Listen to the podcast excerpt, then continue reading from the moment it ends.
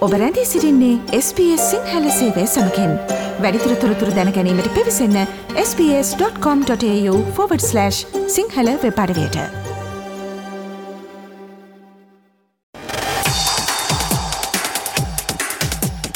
ජයපරාජය මැදින් ගලා යන සද්දින කෙලිබිලේ උණුසුම. SBS සිංහලකුවන් විදිලියේ සතියේ ක්‍රීඩා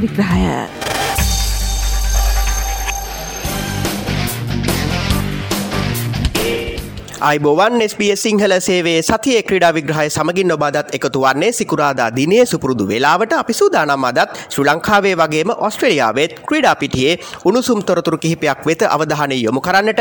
පළමුවෙන්ම අපි අවධානය යොමු කරන්නේ ශ්‍රී ලංකා ක්‍රිකට් කණ්ඩායමේ එළබෙන බංග්ලාදේශ තරඟ සංචාරය වෙතයි. මේ වන විට ශ්‍රී ලංකා සංචිතය තමන්ගේ පුහුණුවීම් කටයුතු සිදු කරමින් තිබෙනවා. මේ අතරතුර අපට වාර්තා වනවා ආරම්භක පිතිකරු පැතුම් නිස්සංකගේ උරහිසේ ආබාධය තවමත් පූර්ණ වශයෙන් සුවේ ලබා නොතිබීම කිරීම නිසාවෙන් ඔහුට මේ තරංගාවලිය අහිමි වන බව ඒ අනුව ඕෂධ ප්‍රනාන්දු සමගින් දිමුත් කරුණාරත්න ශ්‍රී ලංකා ඉනිම ආරම්භ කිරීමට නියමිතයි. මේ වන විට ශ්‍රී ලංකා කණ්ඩායම නියෝජනය කරන ක්‍රඩකින් දහ අට දෙනෙකු නම් කර තිබෙනවා. අප පසුගේ සතියේදී සඳහන් කලා ක්‍රඩකින් විසි තුන් දෙනෙකු තමන්ගේ පුහුණුවීම් කටයුතු ආරම්භ කර බව.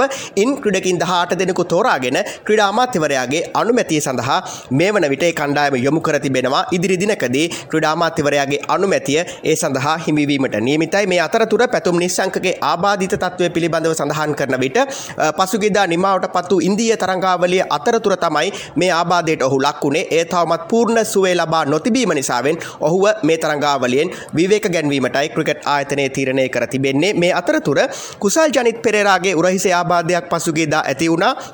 එය තවමත් පූර්ණ වශයෙන් සුවේ ලබා නොතිබීම නිසාවෙන් ඒ සඳහා ශල්්‍ය කර්මයක් සිදු කිරීමටත් ඔහු බලාපොරොත්තු වනවා. බොහෝ විට එය විදෙස් ගතවී සිදු කිරීමටයි මේ වන විට අවධානය යොමු වී තිබෙන්නේ. පසුගේ දා ශ්‍රී ලංකාවේදී නිමාවට පත් වූ LPL තරංගාවලිය පැවැත්වෙන අතරවාරයේදීත් ඔහුට මේ ආබාධිතත්වයේ තිබුණා. වෛද්‍ය උපදෙස් ලැබී තිබුණේ ඒ තරංගාවලිය නියෝජනය නොකරන ලෙසයි. කෙසේ වෙතත් ඔහු වෛද්‍ය උපදෙස් වලට පටහැනිව මේ තරංගාවලිය නියෝජනය කළ බවටත් ඇතැම් මාධ්‍ය වාර්තා පළ කර තිබුණා. කෙසේ වෙතත් මේ ආබාධිත තත්ත්වය නිසාවෙන් කුසල් ජනිත් පෙරේරාට එළබෙන ඔස්ට්‍රේලියානු තරඟ සංචාරයේදී එක්දින තරඟාවලිය වගේම T20 තරඟාවලියත් මගහැරීමට නියමිතයි. මේ අතරතුර අවිශ්ක ප්‍රනාන්දු පසුගේදා ධනහිසේ ශල්්‍ය කර්මයකට ලක් කෙරුණා ඔස්ට්‍රේලියාවේදී. එය මේ වන විට සුවේ ලබමින් තිබෙන බවත් ක්‍රිකට් ආයතනය සඳහන් කරනවා. ශ්‍රී ලංකා ක්‍රීඩකින් මෙතරම් ආබාධවලට ලක්වීම සහ ඒ ආබාධ සුවවීමට මෙතරම් කලක් ගතවීම පිළිබඳව මේ වන විට ක්‍රිකට් ආයතනයේ අවධානය යොමු වී තිබෙනවා. ඒ අනුව බොහෝ විට විදේශීය බෞද්ධ චිකිත්සකවරයෙකුගේ සහය ලබා ගැනීම කෙරෙහිත් මේ වන විට ශ්‍රී ලංකා ක්‍රිකට් ආයතනය සාකච්ඡා කරමින් තිබෙනවා. අප පසුගේ සතියේදී සඳහන් කලා චමින්ද වාස් ශ්‍රී ලංකා කණ්ඩායමේ වේග පන්දු යැවීමේ පුහුණුකාර තනතුර බාර ගැනීම ප්‍රතික්ෂේප කළ බව ඒ අනුව ඔහු වෙනුවට දර්ශන ගමගේ පත් කර තිබෙනවා ශ්‍රී ලංකා කණ්ඩායමේ වේග පන්දු යැවීමේ පුහුණුකරුවා ලෙස. ඒ අනුව මේ බංග්ලාදේශ තරග සංචාරයට එකතු වෙන දහ අට දෙනෙකුගෙන් සමන්විත ශ්‍රී ලංකා සංචිතය මේ වන විට ක්‍රීඩා අමාත්‍යවරයාගේ අනුමැතියට යොමු කරයි තිබෙන්නේ. ඔහුගේ අනුමැතිය ලැබීමෙන් පසු එළඹෙන මැයි මස අටවැනිදා තමයි ශ්‍රී ලංකා කණ්ඩායම බංග්ලාදේශය බලා පිටත්ව යාමට නියමිතව තිබෙන්නේ. කුසල් මෙන්ඩිස් මේ වන විට බංග්ලාදේශයේදී අන්තර් සමාජ තරඟාවලියක් නියෝජනය කරමින් සිටිනවා. ඒ අනුව ඔහු එහිදී ශ්‍රී ලංකා කණ්ඩායම සමගින් එකතු වීමට නියමිතයි. ශ්‍රී ලංකා නායකයා දිමුත් කරුණාරත්න එංගලන්ත ප්‍රාන්ත ක්‍රිකට් තරඟාවලිය නියෝජනය කරමින් සිටිනවා. එම තරඟාවලිය නියෝජනය කිරීමෙන් පසු ඔහු එංගලන්තයේ සිට කෙලින්ම බංග්ලාදේශයට පැමිණ මේ ටෙස්ට් තරඟාවලියට එක්වීමට නියමිතයි. මේ තරඟාවලිය සඳහා ටෙස්ට් තරග දෙක සඳහා තරංගාවලියට එක්වන්නේ ශ්‍රී ලංකා කණ්ඩායමේ තේරීම් කමිටු සාමාජිකයා ලෙස. තේරීම් කමිටු සභාපති ප්‍රමෝද් වික්‍රමසිංහයි යනුව මේ තරංගාවලිය ශ්‍රී ලංකා කණ්ඩායමට අතිශයින්ම වැදගත් ICC ටෙස්ට් ක්‍රිකට් ශුරතාවලියේ ප්‍රසාද ලකුණු සටහනේ ඉදිරියට පැමිණීම සඳහා. ඔබෙක්වී සිටින්නේ SBS සිංහල සේවේ සතියේ ක්‍රඩා විග්‍රහය සමගින් අපි මීළඟට අවධානය යොමු කරන්නේ ශ්‍රී ලංකා එක්දින කණ්ඩායමේ නායකත්වයේ වෙනසක් සිදුවීමට ඉඩ තිබෙන බවට වාර්තාවන තොරතුරක් වෙතයි. නැවතත් දිමුත් කරුණාරත්න වෙත ශ්‍රී ලංකා එක්දින නායකත්වයේ පිරිනැමීමට බලාපොරොත්තු වන බවයි මේ වන විට ශ්‍රී ලංකා ක්‍රිකට් ආයතනයේ පාර්ශවයෙන් වාර්තාවන්නේ මේ කාරණාව සම්බන්ධයෙන් ඔවුන් මේ වන විට සාකච්ඡා පවත්වමින් තිබෙන බවත් වාර්තාවනවා විශේෂයෙන්ම දසුන් ශානක තමයි එක්දින සහ විස්සයි විස්ස කණ්ඩායම් දෙකෙහිම නායකයා ලෙස කටයුතු කළේ මේ වන විට වාර්තාවන ආකාරයට. ඇතැම් ක්‍රඩකින්ගේ විශ්වාසය දිනා ගැනීමට දසුන් ශානක අසමත්වීම නිසාවෙන් කණ්ඩායම ඇතුළත යම් ආකාරයක බෙදීමක් සිදුවී තිබෙන බවත් වාර්තාවනවා මේ නිසාවෙන් එක්දින කණ්ඩායමේ නායකත්වෙන් ඔහු ඉවත් කර දිමුත් කරුණු අරත්නටම එම නායකත්වය පිරිනැමීම කෙරෙහි තමයි ක්‍රිකට් ආයතනයේ අවධානය යොමු වී තිබෙන්නේ. බොහෝ විට දසුන් ශානකට විස්සයි විස්ස කණ්ඩායමේ පමණක් නායකත්වය හිමිවීමට නියමිතව තිබෙනවා. මේ කාරණාව සම්බන්ධයෙන් තේරම් කමිටු සභාපති ප්‍රමෝද්‍ය වික්‍රමසිංහ මහතා තවමත් තමන්ගේ අනුමැතිය පිරිනමා නැහැ. ඔහු මේ සම්බන්ධයෙන් යම් අකමැත්තකින් සිටින බවත් වාර්තා වනවා. කෙසේ වෙතත් ඊ ශ්‍රී ලංකා කණ්ඩායමට මීළඟට තිබෙන්නේ ඕස්ට්‍රේලියානු කණ්ඩායමේ ශ්‍රී ලංකා තරඟ සංචාරයයි එක්දින තරඟාවලියක් වගේම 20 20 තරඟාවලියක් පැවැත්වෙනවා. ජූනි මාස 7 වනදා තමයි මේ තරඟාවලිය ආරම්භ වන්නේ. ඊට පෙර මේ කාරණාව සම්බන්ධයෙන් අවසන් තීරණයක් ගැනීමට නියමිත බවත් වාර්තා වනවා. මේ අතරතුර අපි පසුගියදා සඳහන් කළා ඒ ආසියානු කුසලාන ක්‍රිකට් තරඟාවලියේ සත්කාරකත්වය ශ්‍රී ලංකාවට අහිමිවීමට ඉඩ තිබෙන බව අපට මේ සතියේත් වාර්තා කිරීමට තිබෙන්නේ. බොහෝ විට ඒ සත්කාරකත්වය ශ්‍රී ලංකාවට අහිමිවීමට ඉඩ තිබෙන බවයි. ඒ අනුව එක්සත් අරාබි එමිර් රාජ්‍යයට එහි සත්කාරකත්වය හිමිවීමට ඉඩ තිබෙන බවත් වාර්තා වනවා ඉන්දියාව තමන්ගේ නොසතුට පළ කර තිබෙනවා. මේ තරංගාවලිය ශ්‍රී ලංකාවේදී පැවැත්වීම පිළිබඳව විශේෂයෙන්ම වර්තමානයේ ශ්‍රී ලංකාවේ පවතින ආර්ථිකය වගේම දේශපාලන වාතාවරණය අනුව මේ තරඟාවලියක් සංවිධානය කිරීමට ශ්‍රී ලංකාවට ඇති හැකියාව පිළිබඳව ඉන්දිය ක්‍රිකට් පාලක මණ්ඩලේ තමන් ප්‍රශ්නාර්ථයක් නගන බවයි පවසා තිබෙන්නේ. ඒ අනුව බොහෝ විට මේ තරඟාවලිය එක්සත් අරාබි එමිරාජ්‍යයට ගියහොත් ශ්‍රී ලංකා ක්‍රිකට් ආයතනයට ඇමරිකානු ඩොල මිලියන හයක අවාසියක් සිදුවනවා. මෙය මේ අවස්ථාවේදී ශ්‍රී ලංකාවේ ආර්ථිකයට දැඩි බලපෑමක් බවත් සඳහන් කරන්නට ඕනේ. කෙසේ වෙතත් මේ පිළිබඳව අවසාන තීරණය එළබෙන සති කිහිපේදී ලැබීමට නීමිත බවත් සඳහන් කරන්නට ඕනේ.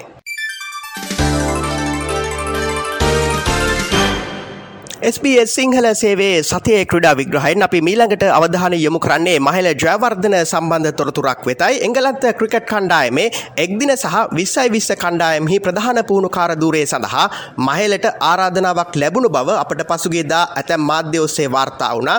මේ ආරාධනාව මහල ජයවර්ධන ප්‍රතික්ෂේප කර තිබෙන බවයි අපට වාර්තා වන්නේ. විශේෂයෙන්ම පෞද්ගලික කරුණු කාරණා නිසාවෙන් ඔහු මේ ආරාධනාව ප්‍රතික්ෂේප කර තිබෙන බවයි මේ වන විට වාර්තා වන්නේ. මහල ජයවර්ධන මේ වන විට IPL තරඟාවලියේ මුම්බා ඉන්දියන්ස් කණ්ඩායමේ ප්‍රධාන පුහුණුකරුවා ලෙස කටයුතු කරමින් තිබෙනවා. මේ වන විට මුම්බා ඉන්දියන්ස් කණ්ඩායම මේ තරඟාවලියේ පළමු වටෙන්ම ඉවතට විසිවී ගොස් තිබෙනවා. ඉතාමත්ම අසාර්ථකම කණ්ඩායමක් බවට පත්වී තිබෙන වටපිටාවක තමයි මහලට එංගලන්තෙන් මේ ආරාධනාව හිමිවන්නේ. කෙසේ වෙතත් ඔහු ඒ ආරාධනාව ප්‍රතික්ෂේප කර තිබෙනවා. මීට පෙර මහල ජයවර්ධන එංගලන්ත ක්‍රිකට් කණ්ඩායමේ පිතිකරන උපදේශකවරයෙකු ලෙස කටයුතු කර තිබෙනවා. එහිදී ඔහු ඉතාමත්ම ඉහළ සාර්ථකත්වයක් ප්‍රදර්ශනය කලා මේ නිසාවෙන් වන්නට ඕනේ මහලට මේ ආරාධනාව හිමි වී තිබෙන විශේෂයෙන්ම එංගලන්ත කණ්ඩායමේ හිටපු ප්‍රධාන පුහුණුකරුවා තමයි ක්‍රිස් සිල්වවුඩ්. ඔහු මේ වන විට ශ්‍රී ලංකා කණ්ඩායමේ ප්‍රධාන පුහුණුකාරදූරයට පත්වී තිබෙන නිසාවෙන් මහල වෙත අවධානය යොමු කරන්නට එංගලන්ත ක්‍රිකට් පාලක මණ්ඩලය තීරණය කර තිබෙනවා වන්නට පුළුවන්. කෙසේ වෙතත් මේ වන විට මහේල ඒ ආරාධනාව ප්‍රතික්ෂේප කර තිබෙනවා. අතරතුර ශ්‍රී ලංකා නව ක්‍රඩා අමාත්‍ය තේනුක විධානගමගේ මහතා ශ්‍රී ලංකා ජාතික ක්‍රීඩා සභාව නියෝජනය කළ නිලධාරින් සමඟ සූම් තාක්ෂණය ඔස්සේ සාකච්ඡාවක් පවත්වා තිබෙනවා. මේ සාකච්ඡාව සඳහා මහිල ජයවර්ධන සහ කුමා සංගක්කාර එක් නොවූ බවයි මාධ්‍යවාර්තා කර තිබුණේ. ඔවුන් මේ වන විට IPල් තරඟාවලිය සමගින් එක්වී තිබෙන නිසාවෙන් ඔවුන්ට මේ සාකච්ඡාව මගහැරි ඇති බවත් ඇතැම් මාධ්‍ය වාර්තා කර තිබුණ. කෙසේ වෙතත් ක්‍රඩා අමාත්‍යවරය සඳහන් කර තිබුණේ මේ ජාතික ක්‍රීඩා සභාව නියෝජනය කළ කළ සාමාජිකින් අට දෙනෙකු මේ සාකච්ඡාව සඳහා එක් වූ බවත් ඒත් ඒ සාකච්ඡාව මගහැරුණු අනෙක් නිලධාරින් සඳහා ඉදිරි දිනකදී තවත් සාකච්ඡාවටයක් ලබාදීමට බලාපොරොත්තු වන බවත් ඔහු සඳහන් කර තිබුණා. SBS සිංහල සේවේ සතිය ක්‍රඩා විග්‍රහයෙන් අපි මීළඟට අවධානය යොමු කරන්නේ ඔස්ට්‍රලයානු ක්‍රඩා පිටිය වෙතයි. අපට මේ වන විට වාර්තා වනවා ඉතිහාසේ පළමිනි වතාවට පොදුරාජ්‍ය මණ්ඩලිය ක්‍රඩා උඩලක් නියෝජනය කරමින් මුස්ලිම් ජාතික කාන්තාවක් බොක්සිං තරගී සව්වෙන් ඔස්ට්‍රලියාව නියෝජනය කිරීමට නියමිත බව ක්‍රඩිකාවන් හතර දෙනෙකු තෝරාගෙන තිබෙනවා.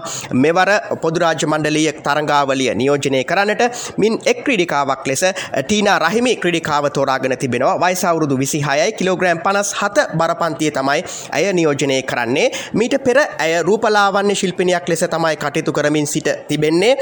විනෝදාංශයක් වශයෙන් ශාරීරික යෝග්‍යතා කටයුතු සඳහා යොමුවීමෙන් අනතුරුව ඇය බොක්සිං ක්‍රීඩාව තෝරාගෙන තිබෙනවා. ඉන් අනතුරුව තමයි වෘත්තීමය වශයෙන් බොක්සිං ක්‍රීඩාවට යොමු වී තිබෙන්නේ. තවමත් වසර හතරක් පමණයි ඇය බොක්සිං ක්‍රීඩාවට එක්වී එය අනුව ඇය පවසන්නේ මේ තෝරා ගැනීම පිළිබඳව ඇය අතිශයින්ම සතුටට පත්වන බවයි. එය අනුව මෙවර පොදුරාජ්‍ය මණ්ඩලයේ ක්‍රීඩා උළෙල ජූලි මස විසි වනදා සිට අගෝස්තු මස අටවනදා දක්වා එංගලන්තේ බර්මිංහන් නුවරදී තමයි පැවැත්වීමට නියමිත වන්නේ ඔස්ට්‍රලියාව නියෝජනය කරමින් ක්‍රඩක ක්‍රඩිකාවන් හාරසිය විසි පස් දෙනෙකු මෙම තරංගාවලට එක්වනවා බොක්සිං තරගේ සව්ව වෙනුවෙන් ක්‍රඩිකාවන් හතර දෙනෙකු වගේම ක්‍රඩකින් හත් දෙනෙකු මෙවර තරංගාවලට ඔස්ට්‍රලියාව නියෝජනය කරෙබින් සහභාගිවීමට නියමිතයි. ඔබෙක්වී සිටින්නේ SBS සිංහල සේවේ සතියේ ක්‍රඩා විග්‍රහය සමගින්. අපි දැන් කතාබහ කරන්නට බලාපොරොත්තු වන්නේ ඔස්ට්‍රලයානු ක්‍රිකට් කණ්ඩායමේ එලබෙන ශ්‍ර ලංකා තරඟ සංචාරය වෙතයි. මේ වන විට ශ්‍ර ලංකාවේ ඇතිවී තිබෙන ආර්ථික සහ දේශපාලන වාතාවරණය නිසාවෙන් මේ තරංගාවලියට සත්කාරකත්වය ලබාදීමත් මේ වන විට යම්මාකාරයකින් අවිනිශ්චිත තත්වයකට පත්වී තිබෙන බවක් අපට වාර්තාවනවා ඔස්ට්‍රලයානු ක්‍රිකට් පාලක මණ්ඩල නිලධාරින් පසුගිදා ශ්‍ර ලංකාවට පැමිණ ශ්‍ර ලංකාවේ ආරක්ෂක තත්වය පිළිබඳව යම් සාකච්ඡාවක් පවත්වා තිබෙනවා. ඔවුන් එහිදී පවසා තිබෙන්නේ ආරක්ෂක තත්වය පිළිබඳව සෑහීමකට පත්විය හැකි බවයි කෙසේ වෙතත් මේ ආර්ථික තත්වය නිසාවෙන් සහ මේ දේශපාලන විශේෂයෙන්ම උද්ඝෝෂණ පැවැත්වෙන වටපිටාවක මේ තරංගාවලිය පැවැත්වීම කෙරෙහි තවමත් තවදුරටත් ඔස්ට්‍රලියාව සලකා බලමින් සිටින බව තමයි අපට වාර්තා වන්නේ. විශේෂයෙන්ම ටෙස් තරංගාවලිය එක්දින තරංගාවලිය සහ විස්සයි විස තරංගාවලිය පැවැත්වෙන්නේ කොළඹ මහනුවර සහ ගාල්ල යන නගරවලයි. ඒ අනුව එහිදී ආරක්ෂක තත්වය පිළිබඳව තමයි වැඩි අවධානයක් යොමු වී තිබෙන්නේ. ඒ වගේම ඔස්ට්‍රලයානු නව ප්‍රධාන පුහුණු කාරදූරයට පත්තු ඇන්ඩරු මැක්ඩොනල් මහතාගේ පළමු විදේශීය තරඟ සංචාරය වන්නෙත් මේ සු ලංකා තරඟ සංචාරය. යනුව මේ තරඟ සංචාරය පැවැත්වීම කෙරෙහි තවමත් අවසන් වශයෙන් ඔස්ට්‍රලයානු ක්‍රිකට් පාලක මණ්ඩලේ යමක් සඳහන් කර නැහැ. බොහෝ විට එලබෙන සති කිහිපේදී මේ සම්බන්ධයෙන් නිල වශයෙන් ඔවුන් යමක් සඳහන් කරාවේ. ඒ සමගින් SBS සිංහල සේවේ සතිය ක්‍රඩා විග්‍රහයෙන් අදට අප සමුගන්නවා හමුවමු ලබන සිකුරාදාත් සුපුරුදු වේලාවට එතෙක් ප්‍රාර්ථනා කරනවා. ට්‍රැග්‍රාහි සතියක්.